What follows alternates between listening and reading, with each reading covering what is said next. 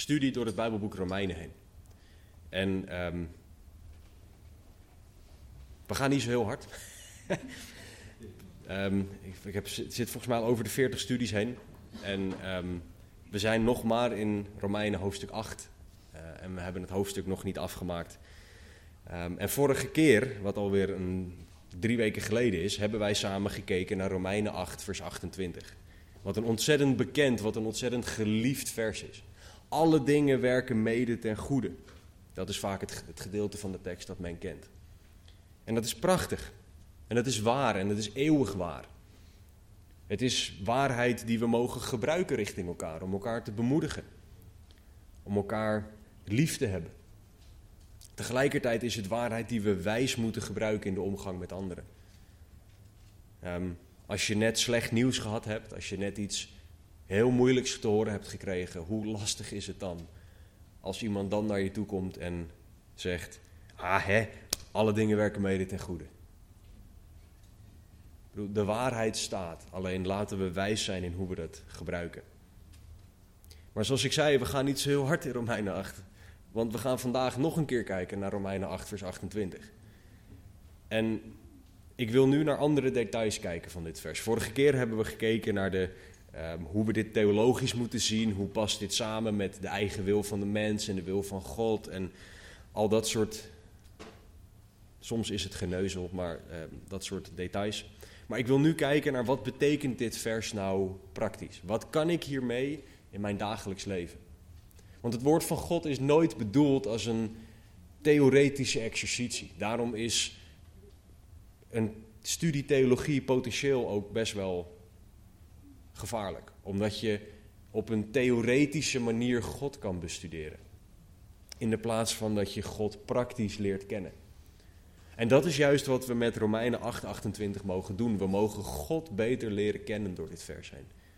En dat is wat we vandaag gaan doen. We gaan kijken naar het feit dat God alles gebruikt ten goede. Dus laten we samen Romeinen 8, 28 lezen. Daarna zal ik kort bidden en daarna gaan we de details van dit vers in.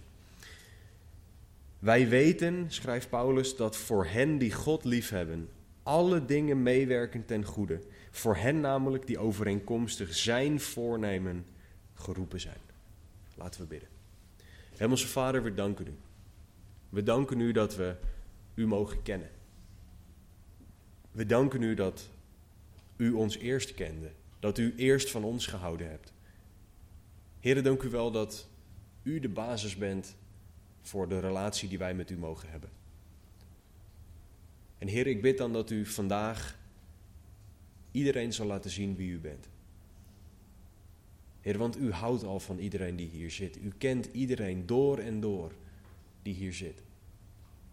Iedereen op deze wereld, Heer. U kent ze door en door.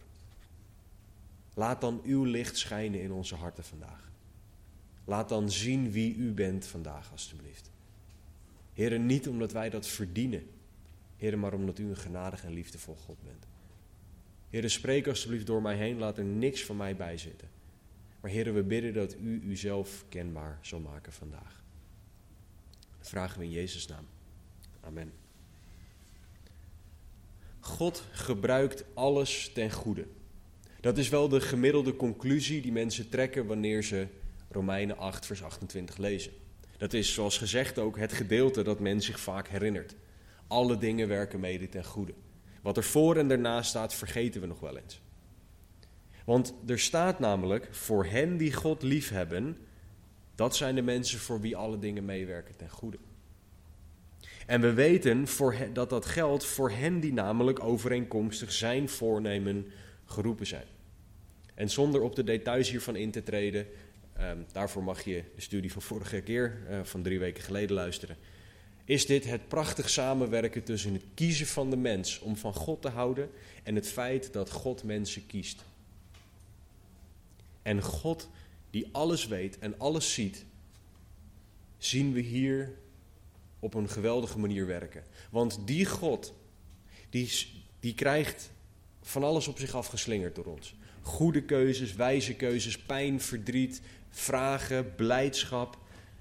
En God die gebruikt alles ten goede voor hen die Hem liefhebben. Dit is een fantastisch vooruitzicht voor ons. Zeker als je op dit moment niet ziet hoe God jouw situatie ten goede zou kunnen gebruiken. Zeker als je nu niet begrijpt wat God aan het doen is. Als je nu niet doorhebt, Heer, wat doet u nou? Dan is het zo geruststellend dat je niet hoeft te weten hoe God dit doet, maar dat God alles ten goede gebruikt. Wat er in je leven gebeurt, als jij Hem lief hebt. Specifiek zegt Paulus, alle dingen werken mede ten goede, maar de vraag is dan hoe? En vooral omdat we niet weten wat Gods wegen zijn, omdat zijn wegen ondergrondelijk zijn, gebruikt God echt alle dingen of bedoelt God hier iets anders? En dat is onder andere waar ik met jullie naar wil gaan kijken. Maar om dit vers te begrijpen, om de Bijbel te kunnen lezen en te kunnen begrijpen, is er één ding ontzettend belangrijk: context. Ik hoop dat jullie dat woord ondertussen kunnen dromen. Als niet, moet ik er vaker op terugkomen. Ehm, maar context bepaalt wat er voor en wat er na geschreven staat en daardoor wat iets betekent. Deze brief, de Romeinenbrief, is geschreven aan de kerk, aan mensen die in Jezus Christus geloven als zoon van God. Dit is geschreven aan mensen die tot geloof gekomen zijn en die vanaf het moment dat ze tot geloof gekomen zijn in het heiligingsproces zitten. Het proces van meer gaan lijken op Jezus Christus. En in Romeinen 7 en 8 zien we hoe dat heiligingsproces tot uiting komt. In Romeinen 7 zien we de menselijke kant met onze menselijke pijn en worstelingen. En in hoofdstuk 8 zien we Gods kant van heiliging. Waarin Hij dingen ziet zoals wij ze nooit zullen zien. Waarin Hij, of nooit, pas wanneer we aan de andere kant van de eeuwigheid zijn. Wanneer wij overleden zijn of opgenomen zijn. Dan zullen wij pas Romeinen 8 zien. Dan zullen wij pas zien hoe en dat God bijvoorbeeld alle dingen doet meewerken ten goede. Maar in zijn uitleg over heiliging maakt Paulus ook duidelijk in vers 19, of eigenlijk 18 tot en met 30 van de Romeinen 8, dat lijden een onderdeel is van meer op Jezus Christus gaan lijken. En dit is niet lijden met een korte ei voor degene van jullie die hoopten op goed nieuws. dit is lijden met een lange ei. Dit is, dit is lastige situaties. Dit is pijn, dit is verdriet, dit kan ziekte zijn, dit kan verlies zijn. Dit kan zoveel dingen zijn, maar God wil dit gebruiken om ons meer op Jezus te laten lijken. Want Jezus had het ook in zijn leven niet altijd makkelijk. Als je kijkt naar zijn levensverhaal, dan zie je dat hij iemand was die in armoede is opgegroeid. Het offer dat gebracht werd nadat Maria uh, Jezus gebaard had, daar kan je over lezen in Lucas 2. Zij bracht het offer voor de armen.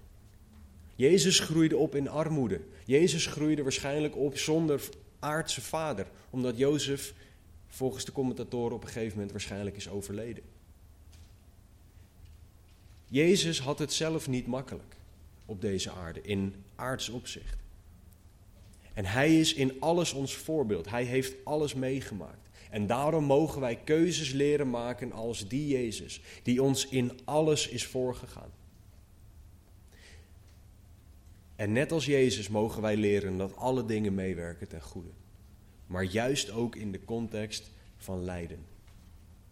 Want hoe makkelijk is het om als alles goed gaat, om dan te denken, ja Heer, wat kan u dit goed gebruiken? En om dankbaar te zijn voor als alles goed gaat. Hoeveel moeilijker is het om op momenten dat je niet kan slapen, dat je het niet meer weet, dat je geld tekort komt, dat je middelen tekort komt, dat je ondraaglijke pijn hebt, om dan nog te zien, Heer, u gebruikt ook dit ten goede. God wil ons leren in en door lijden heen. Maar als wij het perspectief, een ander perspectief dan God hebben, lopen we de kans dat we de lessen die God voor ons heeft missen. Kijk bijvoorbeeld naar het voorbeeld van Jona. Jona heeft drie dagen in de buik van een vis gezeten. In de buik van een vis zit hetzelfde als bij ons, namelijk maagsappen. En die zijn erop gericht om dingen te verteren. Daar heeft Jona drie dagen in doorgebracht. En kijk wat zijn reactie is nadat hij drie dagen daar gezeten heeft en langzamerhand verteerd werd. Is hij nog steeds boos als God genadig is? Zijn lijden had in eerste instantie niet opgeleverd dat hij meer begreep wie God was. Zijn lijden had in eerste instantie niet teweeggebracht dat hij meer als Jezus Christus ging handelen. Uiteindelijk wel, maar in eerste instantie niet. En zo kunnen wij ook zijn. Wij mensen kunnen zo hardleers zijn. Zo vastgeroest in ons denken, zo vasthoudend aan onze pijn, dat wij vergeten dat God door moeilijke dingen heen dingen wil doen die wij niet kunnen bidden of beseffen. Dingen die wij van tevoren niet voor mogelijk houden. En door het woord heen zien we mensen waarbij God lijden gebruikt om ze te vormen en om ze te heiligen en om ze te veranderen. Ik wil er twee aanhalen, puur ook vanwege de tijd. Maar de eerste is Jozef. Jozef was de elfde zoon van Jacob. Nou, dat is natuurlijk al een flinke, flinke familie. Maar Jozef kwam niet binnen in een gezin waarbij zijn broers dachten: ja, we hebben er weer een broertje bij. Want Jozef die was ontzettend, nou, eigenlijk gehaat door zijn broers. Dat had met zijn eigen gedrag misschien ook deels te maken. Maar daar hebben ze allemaal een verantwoordelijkheid in. Jozef was niet geliefd door zijn broers. En waar blijkt dat uit? Ze verkochten hem als slaaf. Ze waren hem op een gegeven moment zo zat, ze verkochten hem. En op een gegeven moment zat hij dan in Egypte, was hij als slaaf aan het werk, had hij zich weer omhoog gewerkt, leek zijn leven weer enigszins de goede kant op te gaan. En toen werd hij vals beschuldigd van verkrachting. En hij heeft daardoor minimaal twee jaar onterecht in de gevangenis gezeten. De commentatoren zijn het niet helemaal met elkaar eens voor hoe lang precies. Maar minimaal twee jaar onterecht in een Egyptische gevangenis, meer dan 2000 jaar geleden. Dat was niet een gevangenis zoals vandaag de dag. Het waren stinkende, rottende hokken waar de ratten over je heen liepen. Moet er niet aan denken.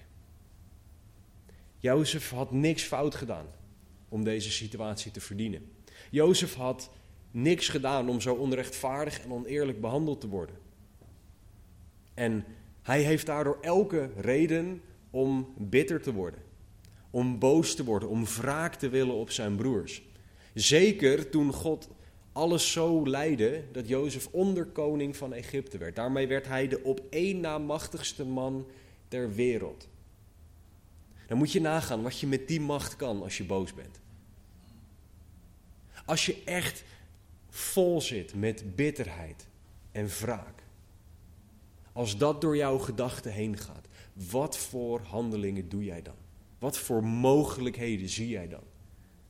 En Jozef die kreeg zijn broers voor zich, die broers die hem verkocht hadden. Precies die tien. Niet eens met zijn nog jongere broertje erbij, nee, zijn tien oudere broers. Ze herkenden hem niet, hij was de op één na machtigste man ter wereld. En als hij dan wraakzuchtig was geweest, wat had hij wel niet met hen gedaan? Dit is wat Jozef zegt in Genesis 50, vers 20. Jullie weliswaar, zegt hij tegen zijn broers, jullie hebben kwaad tegen mij bedacht. Maar God heeft dat ten goede gedacht. Om te doen zoals het op deze dag is, een groot volk in leven te houden. Jozef zag Gods hand en Gods doel in en door de situatie heen. En ik weet zeker, niet omdat het er staat, maar omdat Jozef ook maar een mens was, dat hij het echt wel eens uitgeroepen heeft naar God in die twee jaar. Heer, ik snap er helemaal niks van. Ik snap niet waarom ik in dit stinkende rothol in Egypte zit. Ik snap niet waarom dit gebeurt. Wat nu? Hoe nu verder, Heer? Maar ondanks zijn vragen, ondanks zijn pijn en zijn lijden, en die waren echt, hè, zag hij dat God groter was. En zag hij dat God de situatie gebruikte ten goede. God gebruikt alles ten goede. Voor Jozef, voor zijn familie en uiteindelijk ook voor ons, Omdat door Jozefs familie wij onze Messias hebben gekregen. Jezus Christus, onze redder. Gods blik en Gods bereik gaan veel verder dan dat wij kunnen bedenken. Want Jozef had nooit kunnen bedenken dat er in Nieuw-Vennep, in een wijkgebouw, op zondagochtend 3 oktober 2021 iemand zou praten over de lessen die hij geleerd heeft door, door die moeilijkheden heen te gaan. Dat kan niet dat hij dat bedacht heeft. Hij wist niet eens dat het jaartal 2021 bestond, Nieuw-Vennep en wat, wat dan ook. God die kan zoveel doen met omstandigheden wat wij niet kunnen bidden of beseffen. Maar Jozef stond ervoor open dat God het wilde gebruiken. Hij was niet bezig met woede en wraak en bitterheid. Een ander voorbeeld is koning David. Voordat hij koning David werd en nadat hij koning David werd. Hij heeft zoveel meegemaakt met gigantische hoogtepunten en ongelofelijke dieptepunten. Voorbeeld, hij werd, hij, hij werd naar voren geschoven toen hij Goliath versloeg. Hij was nog maar een klein jongetje die een reus van drie meter met één steen versloeg. Hij werd koning uiteindelijk, die David. Maar tegelijkertijd pleegde hij overspel en pleegde hij moord om zijn overspel te kunnen verhullen. En hij werd tijdelijk afgezet door zijn eigen zoon, omdat hij zijn eigen zoon niet goed opgevoed had. Fantastische hoogtepunten en ongelofelijke dieptepunten. En misschien dat wel zijn moeilijkste tijd was toen hij jarenlang achtervolgd werd door Saul voordat hij koning werd. Maar God gebruikte dit alles om David koning te maken. Om hem te leren een koning te zijn naar Gods hart. En om hem uiteindelijk op de plek te zetten waar God hem wilde hebben. Bijbelcommentator Matthew Henry heeft het volgende gezegd over het proces van heiliging en dat God alles ten goede gebruikt. Het voorrecht van de heiligen is dat, sorry, is dat alle dingen meewerken ten goede voor hen. Dat is alles dat God geeft dat voor hen is. Alles werkt ten goede. Soms voor tijdelijk goed, zoals Jozefs moeilijkheden. Minimaal voor geestelijk en eeuwig goed. Dus God gebruikt alles ten goede. Maar hij gebruikt het op een manier die wij misschien niet voor mogelijk houden. Soms gebruikt hij het voor tijdelijk goed. Dus dat het ook hier goed komt op deze aarde. Soms, niet altijd. Maar altijd gebruikt hij het voor ons geestelijk en ons eeuwig goed. Altijd. Bij Jozef en David zien we eeuwige vrucht van hun keuzes. Want het staat opgeschreven in het woord. God gebruikt alles dat hen overkomen is om hen en uiteindelijk ook om ons dingen te leren. En door deze beide mannen heen kunnen we dus gaan zien hoe Romeinen 8:28 praktisch wordt. Hoe dat realiteit wordt in ons leven. Jozef onderging zondige keuzes. We lezen niet over zijn eigen zondige keuzes. En die, die keuzes van anderen brachten heel veel lijden voor Jozef. Hoe moet het zijn om door je eigen broers in een put gegooid te worden waar je niet uit kan klimmen? Om door je eigen broers, dan halen ze je eruit en dan denk je, nou, nou zal het wel weer goed komen, ze hebben hun lolletje gehad. Nee, dan zie je ze een zak geld ontvangen. En dan zeggen ze, hier heb je hem. En dan gaat die broer gaat mee en dan zie jij je eigen broers zie je in de verte steeds kleiner worden. Hoe moet dat voor Jozef geweest zijn? Maar God gebruikt dit uiteindelijk om onder andere Jezus' bloedlijn te beschermen. Om zijn volk te redden. Om profetie waar te maken. Om van alles te doen wat Jozef nooit zelf voor mogelijk had gehouden. En hij gebruikte het dus ook voor het tijdelijke. Bij David zien we zonde van zichzelf, maar ook zonde van anderen. En door beide heen leert David God beter kennen. In je eigen tijd lees bijvoorbeeld Psalm 51. Dat is een fantastische psalm, waarin je echt ziet dat David God leert kennen.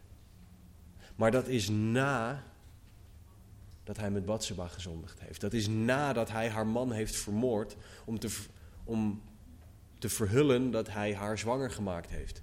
En dat dat in Gods ogen de doodstraf verdient. David leert God kennen door zijn keuzes heen. God gebruikt alles ten goede. Zowel het proces als de uitkomst van Romeinen 8:28 gebruikt God in de levens van anderen. Het proces van dingen leren, hoe mensen bijvoorbeeld met dingen omgaan, kan zo'n ongelooflijk voorbeeld zijn. Hoe mensen omgaan met bepaalde pijn, met bepaalde vragen, met bepaalde situaties. Dat kan zo leerzaam zijn. Maar ook de uitkomst van hoe van dat God iets doet. Allebei laat zien dat wij een ongelofelijke God hebben. Die genadig, geduldig, goed en liefdevol is. Voor wie niks te groot is, niks te klein is, niks onmogelijk is. Alle dingen zijn mogelijk voor hem. En daarom kan hij alles gebruiken ten goede. Nogmaals, Bijbelcommentator Matthew Henry. Direct of indirect, elke voorziening van God heeft een neiging naar het geestelijke goed voor hen die God liefhebben. Waarbij ze losgebroken worden van zonde, ze dichter bij God komen, ze losgeweekt worden van de wereld en ze klaargemaakt worden voor de hemel. Einde citaat.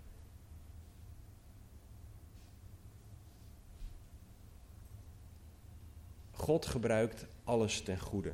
Alle dingen werken mede ten goede. Ook als wij de manier waarop niet leuk vinden. Want dat vinden we vaak niet. Ook als wij het proces pijnlijk vinden, want dat is het vaak. Maar we mogen dan leren vertrouwen op God.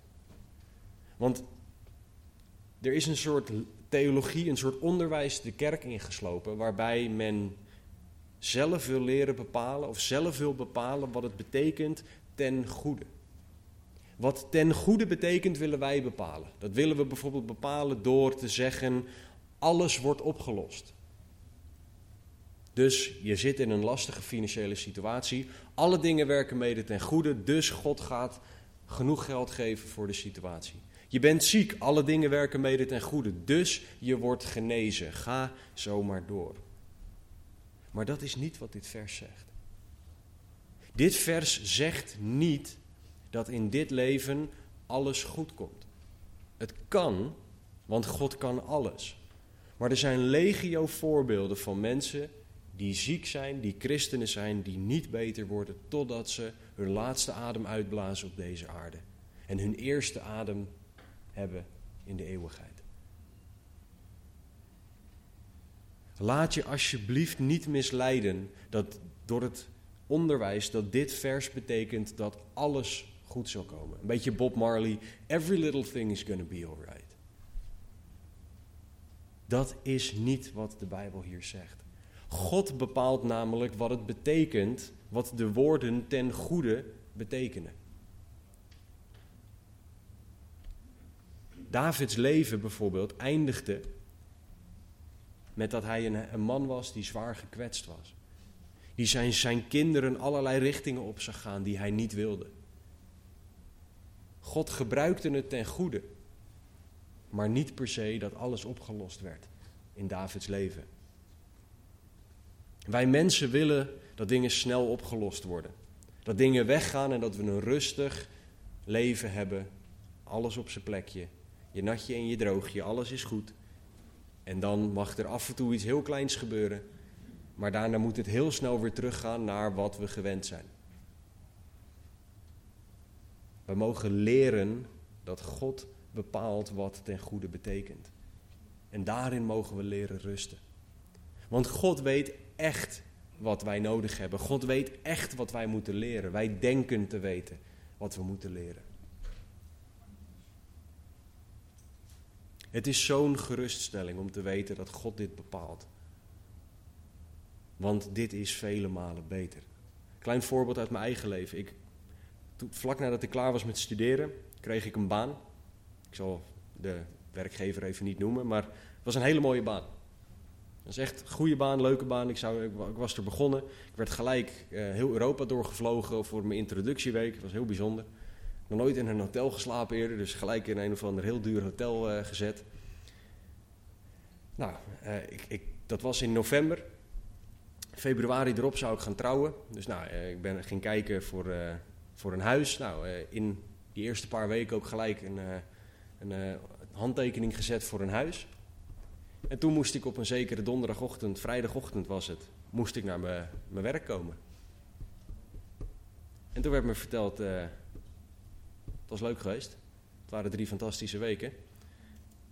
We willen graag je spullen terug.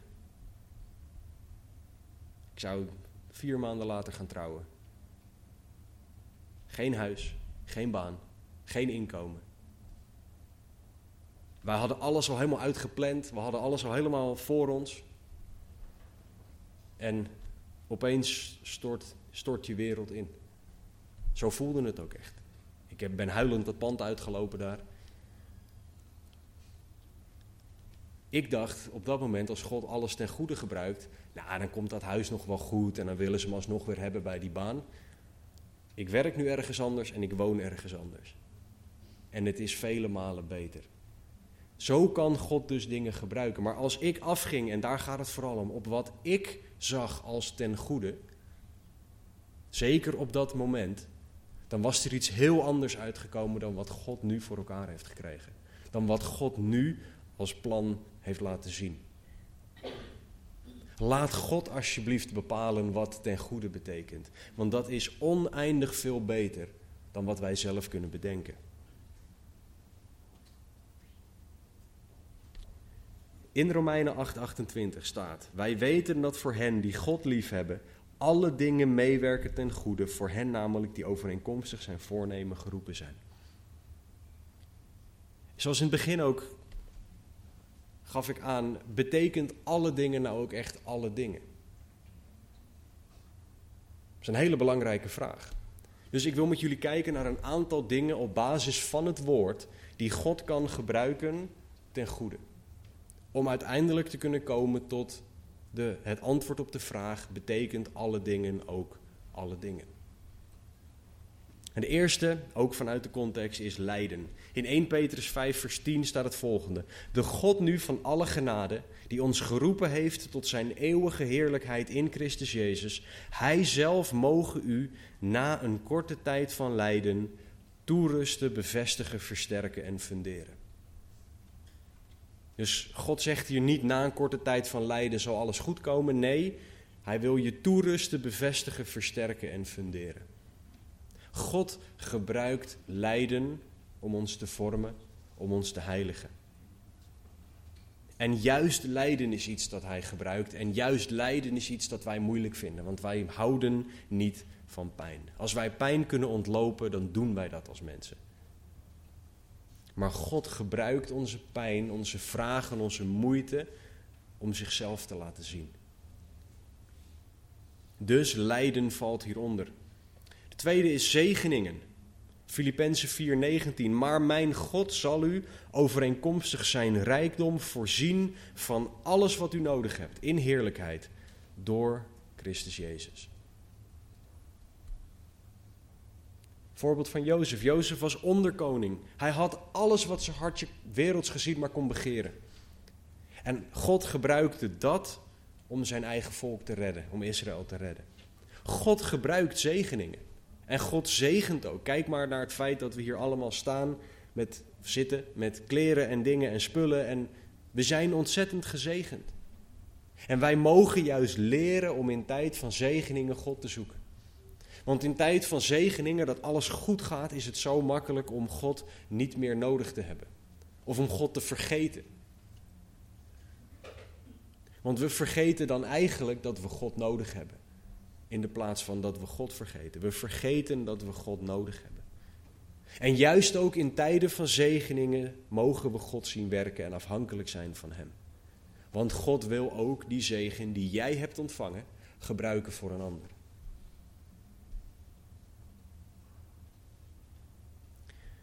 Een derde iets dat God ten goede gebruikt is je verleden. Nogmaals, Genesis 50, vers 20, Jozef en zijn verhaal. Hij zegt tegen zijn broers: Jullie weliswaar, jullie hebben kwaad tegen mij bedacht, maar God heeft dat ten goede gedacht. Om te zien, zoals het op deze dag is, een groot volk in leven te houden. Jozef ziet hier dat zijn verleden, het kwaad dat hem aangedaan is door zijn broers, dat dat door God omgedraaid is, ten goede gekeerd is. Jozef had wat je tegenwoordig een traumatisch verleden zou noemen. Waarbij hij waarschijnlijk dingen als diagnoses als PTSD en andere diagnoses mee had gekregen. Waarbij hij waarschijnlijk allerlei medicatie had moeten ondergaan. Allerlei processen, vele sessies met een psycholoog. Maar Jozef liet zijn verleden niet zijn heden bepalen.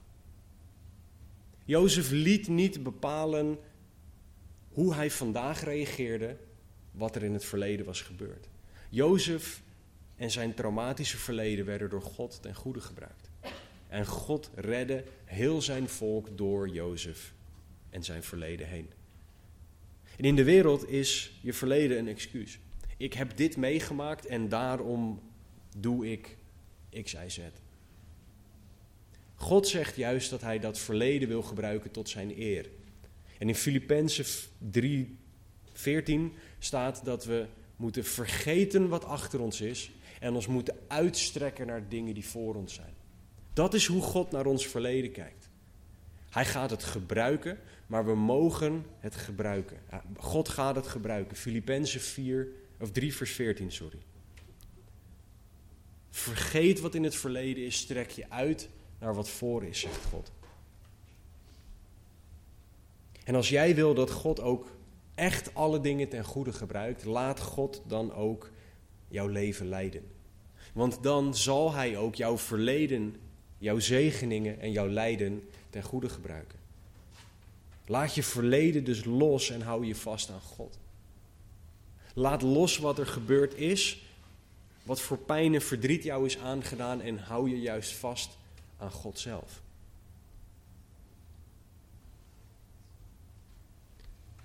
Niet alleen ons verleden kan door God gebruikt worden, maar ook de goede keuzes die wij maken. Jozua 24, 15.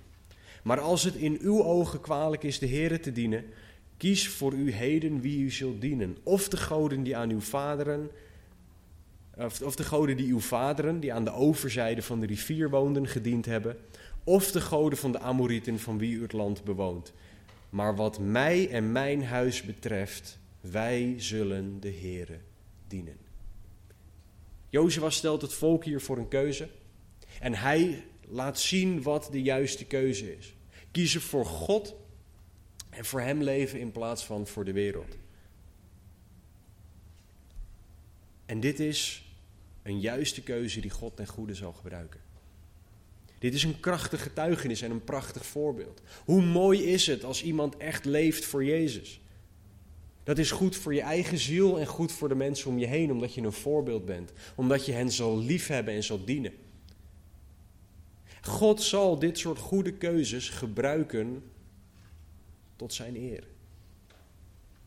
En hij gebruikt dit in jouw leven en in de levens van anderen om je uiteindelijk meer nog te laten kiezen naar zijn wil.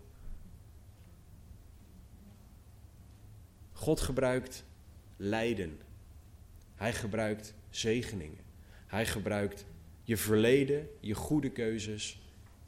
En God gebruikt je zondige keuzes. Maar dit wil ik heel precies uitleggen, want dit is ook waar Romeinen 8:28 soms misbruikt wordt. Laten we eerst samen lezen Romeinen 6, vers 1 en 2. Wat zullen wij dan zeggen? Zullen wij in de zonde blijven opdat de genade toeneemt? Volstrekt niet. Hoe zullen wij, die met de betrekking tot de zonde gestorven zijn, nog daarin leven? Ik zal het nog een keer lezen, want het is echt belangrijk. Romeinen 6, vers 1 en 2. Wat zullen wij dan zeggen? Zullen wij, christenen, in de zonde blijven opdat de genade toeneemt? Volstrekt niet. Hoe zullen wij, die met betrekking tot de zonde gestorven zijn, nog daarin leven? Waarom hangt dit samen? Nou, wij christenen horen meer te gaan leven naar Gods wil. Wij horen heilig en rein te leven, oftewel keuzes te maken waar God blij mee is. Maar tegelijkertijd kan God ook de zonde uit het verleden gebruiken tot zijn eer. Kijk naar Jozef. Er waren hem zondige keuzes aangedaan, maar God gebruikte het tot zijn eer. De zonde van David met Bathsheba heeft ons Psalm 51 gegeven. Omdat David zich uiteindelijk ook bekeerde. Dus God kan en zal jouw zondige keuzes gebruiken, maar. Hele grote maar.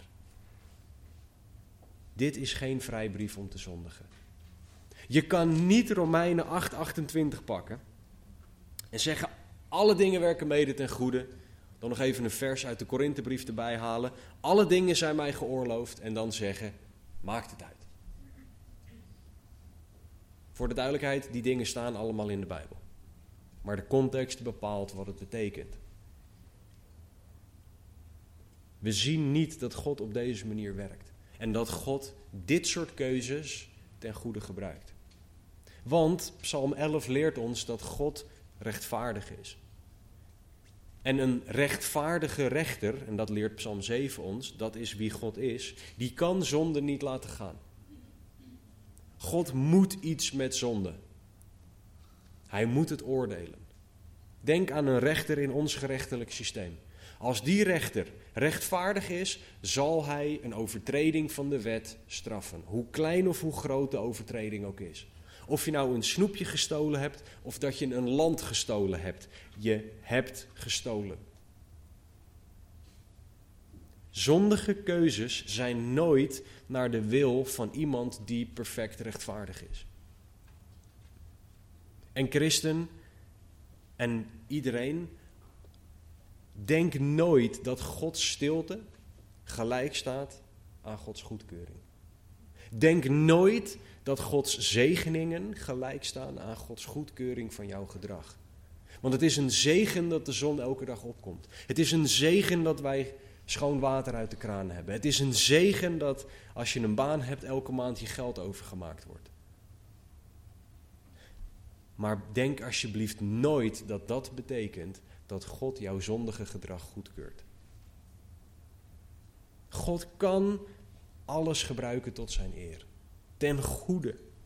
Maar hij is en hij blijft heilig en rechtvaardig. En hij wordt niet blij van zonde. 1 Thessalonicense 4, 7 zegt het volgende. God heeft ons niet geroepen tot onreinheid, oftewel leven in zonde, maar tot leven in heiliging. Dat is waarvoor jij geroepen bent, christen. God kan en zal alles gebruiken ten goede voor degenen die Hem lief hebben, maar Hij wil niet dat je zondigt.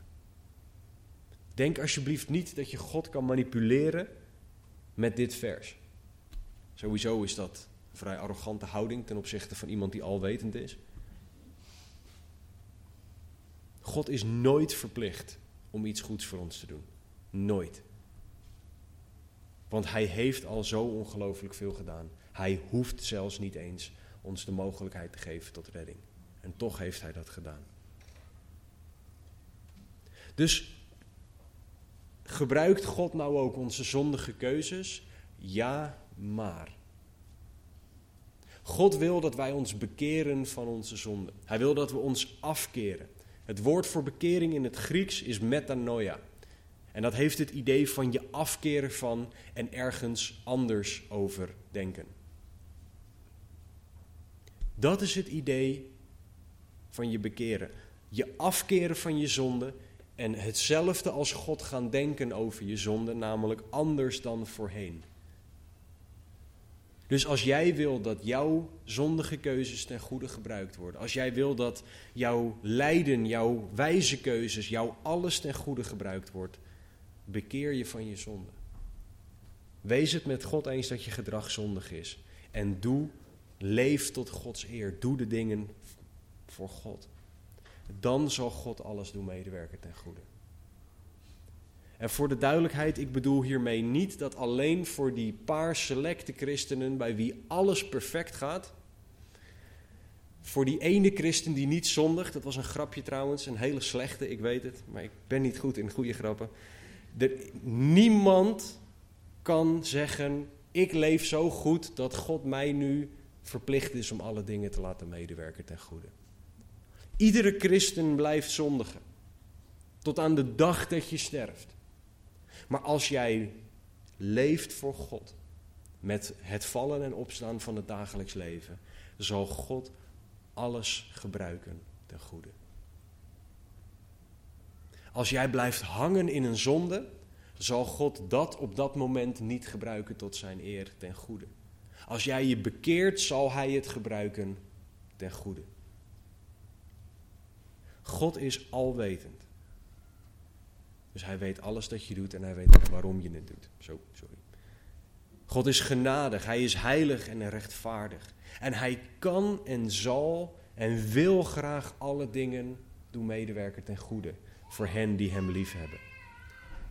Maar vertrouw dan alsjeblieft op Hem, in de plaats van dat je vertrouwt op je eigen denken. Vertrouw op het feit dat Hij weet wat ten goede betekent, in de plaats van dat jij wil bepalen wat ten goede betekent. Laat God alsjeblieft invullen hoe dit werkt. In de plaats van dat jij op een almachtig en alwetend wezen wil gaan leggen hoe hij dingen moet gaan doen. Laat God dit bepalen alsjeblieft. God is zo goed. En hij houdt van jou wie je ook bent. God is ultiem genadig en liefdevol. En als jij vandaag nog niet in Hem gelooft, dan is vandaag je kans om in Hem te geloven. Dan is vandaag je kans om te leven voor Hem. En om te gaan zien dat God alle dingen gaat gebruiken ten goede. Geloof in Jezus als Gods zoon. Geloof dat Jezus de zoon van God is. Je hoeft niet tot in elk detail te weten wat dat betekent, maar je mag simpelweg geloven. Beleid dat jij een zondaar bent, oftewel zeg tegen God dat jij een zondaar bent. Vraag vergeving en de Bijbel belooft dat je gered bent. Christen, Jij bent geliefd, jij bent gezegend alleen al door het feit dat dit vers bestaat. In jouw lijden kies om te vertrouwen op Gods woord, ook als je het niet ziet of voelt. Ook als alles schreeuwt, God waar bent u? Kies er dan voor om op God te vertrouwen. Vraag God om jouw situatie te gebruiken tot zijn eer, in de plaats van de situatie weg te halen. Want God is veel meer geïnteresseerd in jou veranderen in de situatie dan in de situatie weghalen bij jou. En laat jij God jou leiden, de zegeningen die jij ontvangt, jouw verleden, jouw goede keuzes en jouw zondige keuzes. Mag God dat allemaal gebruiken? Mag God jouw leven leiden zoals Hij dat wil? Of wil jij bepalen wat God wel en niet mag doen? De enige reden dat we dit überhaupt allemaal kunnen vragen, is dat Jezus voor onze zonde gestorven en opgestaan is. De enige reden dat we dit kunnen vragen, is dat zijn bloed vloeide om de prijs voor mijn en voor jouw zonde te betalen. En vanochtend vieren we heilig avondmaal. Wat betekent dat we vieren dat Jezus, dat God zoveel van ons houdt, dat Jezus Christus stierf voor onze zonde. En heilig avondmaal betekent dat we Jezus danken voor zijn liefde. Dat we de liefde in zijn offer zien en in het feit dat hij stierf van het kruis. Het avondmaal is voor de christen, voor degene die gelooft dat Jezus Gods zoon is. Dus dat is iets tussen jou en God. Wij gaan niet controleren of jij dat, dat wel of niet gelooft. Dus als jij dat gelooft, dan mag je zo deelnemen aan het avondmaal. Vraag wel aan God of er nog dingen tussen jou en hem instaan en ruim die op in gebed. Maar het avondmaal staat daarvoor aan. Het aanbiddingsteam zal ons zo leiden in een aantal liederen en dan mag je dat nemen. Maar gebruik de tijd ook die we zo hebben, want er zullen een viertal liederen, vijftal liederen gespeeld worden. Gebruik die tijd ook om God te zoeken. Om aan God te vragen om jouw perspectief op je situatie te veranderen. Dat jij zal inzien en zal leven naar het feit dat God alles wil gebruiken ten goede. En dat je mag leren om Hem te vertrouwen dat Hij dit onder controle heeft en dat Hij bepaalt wat ten goede is. Laten we bidden. Hemelse Vader, we danken U. We danken U dat we bij U mogen komen, dat we U mogen kennen. We danken U dat U onze situatie kent. We danken U dat U weet wat goed is. Dat U weet wat ten goede betekent. Heer, we danken U voor het voorrecht dat U alle dingen ten goede gebruikt.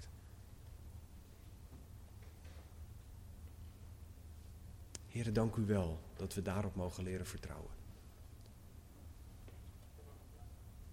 Heer, overtuigen ieder alstublieft op dit moment van Uzelf. Voor het eerste, voor de zoveelste keer, Heer, laat hen zien wie U bent en dat U alles onder controle hebt. Dat U alles, maar dan ook alles ten goede kan gebruiken. Heer, uw naam zijn geprezen, Heer, dat we u überhaupt mogen kennen. Heer, overtuig alstublieft op dit moment van zonde, gerechtigheid en oordeel. Overtuig ons alstublieft op dit moment van wie u bent. Zodat u geëerd zal worden. Zodat u gediend zal worden. Heer, leid ons alstublieft om te leven voor u.